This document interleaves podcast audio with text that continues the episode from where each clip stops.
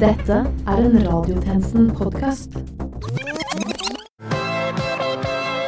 God morgen, Herman. Hei, tjenestemann Holbæk. Hvordan har eh, uka vært? Ikke så bra, egentlig. Å, hvorfor det? Eh, Været har jo vært strålende, og gradestokken har krøpet opp mot 30, og jeg har kunnet gått naken rundt i leiligheten hele uka. Jo da, det, det vet jeg. Vi bor i samme leilighet. Men det var Kristi himmelfartsdag i går, og jeg, jeg ble ikke invitert til noen selskaper. Hæ? Ikke hos familien engang? Nei, bestemor har slitt med sykdom i det siste, så de, de dropper tradisjonene. Det var jo veldig synd å høre, Erlend. Eh, Kristi himmelfart har jo alltid vært min favoritthøytid. Spise skykake, leke sandalleken, sette ut droppskål til Kristi himmelfartssoterne. Jeg kan liksom ikke se for meg hvordan det må være å tilbringe Kristi himmelfartsdag helt alene. Jeg, jeg, jeg, har jo Å finne mandelen i pinsekalenderen, og, og feste halen på Thomas Tvileren, lete etter englegg i pappas skinnsofa Nei, og nei, jeg har jo venner, men, men kanskje ikke så mange som Ikke så mange nære, da. Ikke, ikke så mange det føles naturlig å dele årets viktigste dag med. Men hvorfor spurte du ikke meg? Nei, jeg tenkte kanskje Du har jo sikkert mange andre du, du heller vil Nei, ikke si det, Erlend. Aldri si det. Du vet du er utrolig viktig for meg, og det siste jeg ønsker, er at du er ensom på Kristi himmelfartsdag. Ikke døm meg nå, Herman, men jeg elsker deg. Å, å ja. Ja. OK, jeg skjønner. Eh, bra, bra. Eh, skal vi lage sending? Klokken er 12.00, og du lytter til Radiotjenesten.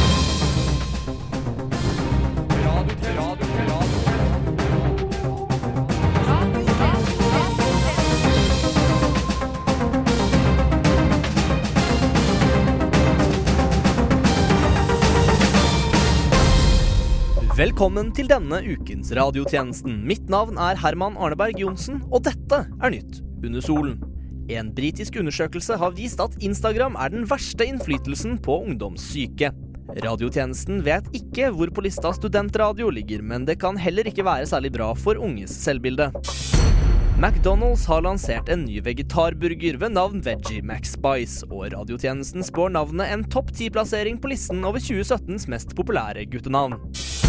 Og Joshua French er blitt overført til Norge etter åtte år i kongolesisk fengsel, i bytte mot Markus, 63% av popduoen Markus og Martinus.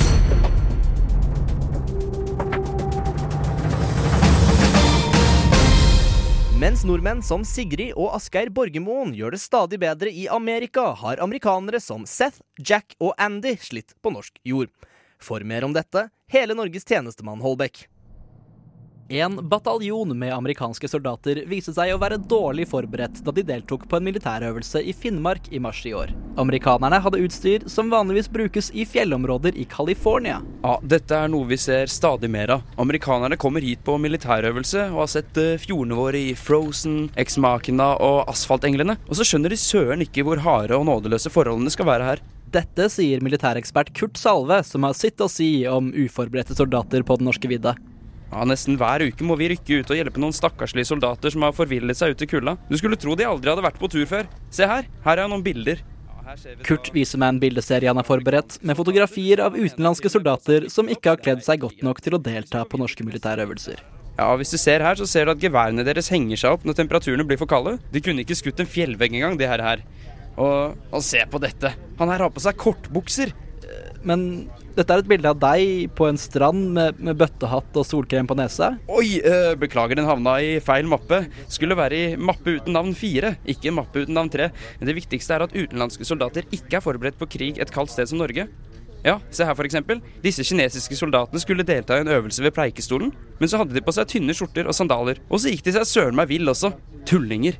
Jeg tror kanskje du blander inn en annen sak her. Nei, jeg blander ingen verdens ting. Jeg er en høyt respektert militærekspert, og jeg gjør ikke feil. Se her. Her er tre medaljer som viser at jeg aldri har tatt feil. Uh, nei, vent. To medaljer er det kanskje. Ja, Uansett, jeg begår aldri feil. Eh, Ikke etter den. Nei, tjenestemann Holbæk, dette kommer du aldri til å skjønne. Jeg har begått mange feil opp igjennom. Du vet ikke hva det betyr å begå en feil. Altså, militærekspert Kurt Salve, jeg har sikkert gjort noen Kona mi vil ikke snakke med meg. Skjønner du det? Hun tar ikke telefonen lenger, hun har skifta låsene. Det bryr deg bare om militært utstyr og hvor forberedt fremmede makter er til å kjempe på våre vegne i nordiske forhold. Det er det hun sier. Og ikke om vårt nordiske forhold. Jeg skjønner, Kurt. Ja, hun, hun er en fantastisk kvinne, men jeg tror rett og slett hun ikke forstår hvor mye militær planlegging betyr for meg. Dette var altså en sak om noen amerikanere som frøs i Finnmark. Radio Nova går i lufta! For om lag to uker siden ble reketråleren Remøy fra Herøy kommune i Møre og Romsdal holdt tilbake av russiske styresmakter. Rekegutta hadde tatt seg til rette i russisk reketerritorie, og dette strider med internasjonal rekelov paragraf 1. Som alle sikkert vet, er det et eldgammelt hellig regelverk som ble satt sammen av de aller første menneskene på jorden. Den internasjonale rekeavtalen har aldri vært forstyrret før nå, og over hele verden har mennesker samlet seg i sorgen. Vi kunne rett og slett ikke dy oss. Vi ble trollbundet av rekenes sirenesang. Men sirenesangen ble raskt avbrutt av faktiske sirener. Dere kan ikke ta våre reker. Det er våre reker, ikke deres. Rekene er våre. Rekene er ikke deres. Dette sier en oppstemt russisk rekeselger. Han pakker sammen rekeboden sin før han kysser sin kone, tafser henne litt i rekeskrittet og drar hjem for dagen. De russiske rekemyndighetene krever 90 millioner rekedollar i kausjon for den grove misgjerningen. Og den norske rekeministeren har aldri hatt så mye å gjøre som nå. Det er eh, mye penger, det er klart, men, men det er jo forståelig. Hvis vi hadde hatt halvparten så velsmakende reker her i Norge, og en gjeng kåte rekegutter fra utlandet bare forsynte seg, er, er det klart at det ville blitt dyre konsekvenser. I går formiddag returnerte ni av båtmannskapet. De kåte rekegutta sier de har lært leksa si. Man kan ikke bare ta andre sine reker. Dette er noe jeg aldri kommer til å glemme. Familien min og meg går nå i reketerapi, og vi prøver å få barna til å forstå at det pappa gjorde, var galt, men at det på samme tid er menneskelig å gjøre rekefeil. Rekeekspert Eivind Helstrøm forteller i en kommentar til Al Jazeera at om 17 reketyver kan skape så mye hat. Tenk så mye kjærlighet vi alle kan skape sammen. Radiotjenesten følger noen aktuelle personer som ingen andre følger. Følg med.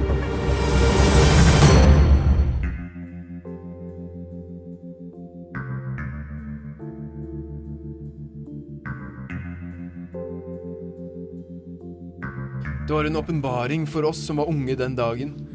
Plutselig var det lov å være annerledes. Alt var plutselig annerledes. Jeg kan nok med hånden på hjertet si at den serien var avgjørende for at jeg skulle få mitt første og til nå aller siste samleie. Det var litt av en tid. Mye var annerledes i 1990. Klærne, håret, musikken, men også det vanlige livet i Norge. Måten vi tenkte på, måten vi levde på. Vi, vi kom rett fra den kalde krigen. NRK var fortsatt den eneste TV-kanalen i mange hjem. Vi var ektefødte barn av sosialdemokratiet. Og så, og så kom alt dette. Noe, noe annerledes.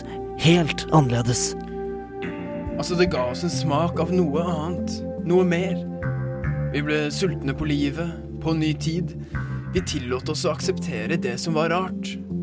Det hevet terskelen for hva både kultur og vi selv kunne være, og ga oss muligheten til å eksperimentere med hvem vi ville være. Det forandret oss. Ja, nå er den endelig her. Etter 25 lange år debuterer den nye sesongen av Fredrikssons Fabrikk på NRK i kveld. Med oss har vi medieviter og TV-ekspert Rocco Børu, som har sett de første fire episodene. Hva kan vi vente oss, Rocco? Vel, for det første, alt er ikke som før. Men slik er det vel ikke med oss heller. For eksempel, Margit er død. Ja, den eiegode sykona Margit er stein død. Og Fredriksson er død. Men slikt skjer. Det er livet. Og det har serieskaperne klart å fange på film ved å la de første episodene kretse fullt og helt rundt likene til Margit og Fredriksson. Faktisk har de gravd opp Aud Schønemann og Magnus Herrenstam kun for å få filmet disse scenene. Og det at de ser så ufattelig, vanvittig mørke, markspiste, oppråtne, ja, døde ut, det bidrar til å gi disse scenene det alvoret de trenger for å gi dem aktualitet i vår tid. Hva med vår alles favoritt, den, den litt fortapte fabrikkassistenten Tommy? Ja, sist vi så Tommy, så var han fortsatt en ung mann. En mann med håp og tro på fremtiden. En mann som lengtet til et liv der han ikke var begrenset av en konfeksjonsfabrikks snevre rammer for hva en mann faktisk kan være. Men han er ikke der lenger, altså. Han er seg selv. Men han er samtidig en annen. Det at uh, serieskaperne har latt ham stå bak en politisk motivert massakre i Tyrifjorden, viser eh, på en måte at tiden har gått, og at ting har skjedd. Både med Tommy og med oss som bor i Norge, da. Fredrikssons fabrikk er en serie som har betydd mye for mange. Tar ikke NRK en viss sjanse når de prøver å relansere det i en helt annen tid? Altså, det kan være. Samtidig så flyter det jo ganske godt, da.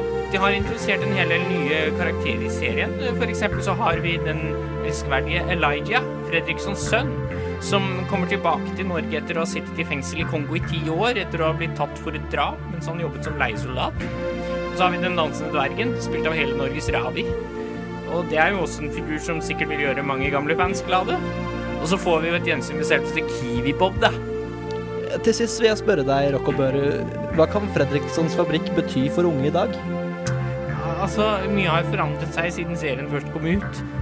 Og det er ikke lenger uvanlig, slik det var da, med ambisiøse situasjonskomedier lagt til den norsk-svenske konfeksjonsbransjen. Men resten av samfunnet har også vært i endring. Vi, vi, er et annet folk enn vi var da, på godt og vondt. altså. Mindre homogent og mer mangfoldig. Men akkurat det synes jeg Fredrikssons fabrikk eh, har grepet tak i og speiler veldig fint. Med nye karakterer som taxisjåføren Ali og den alkoholiserte samen Antabus Hatta, da, som er helt uforglemmelig. Så, så unge mennesker vil kjenne seg igjen? Ja, I den grad det er nødvendig for å oppleve en TV-serie. Det er jo først og fremst de over 40 som har behov for å kjenne seg igjen i ungdomskarakterer på TV. Sommeren er rett rundt hjørnet. Radiotjenestens anmelder Burger Vestmo har undersøkt om denne varme årstiden er verdt å få med seg i år også. Who are you? It's you. Hell will be unleashed. You can't stop what's coming. Death always wins.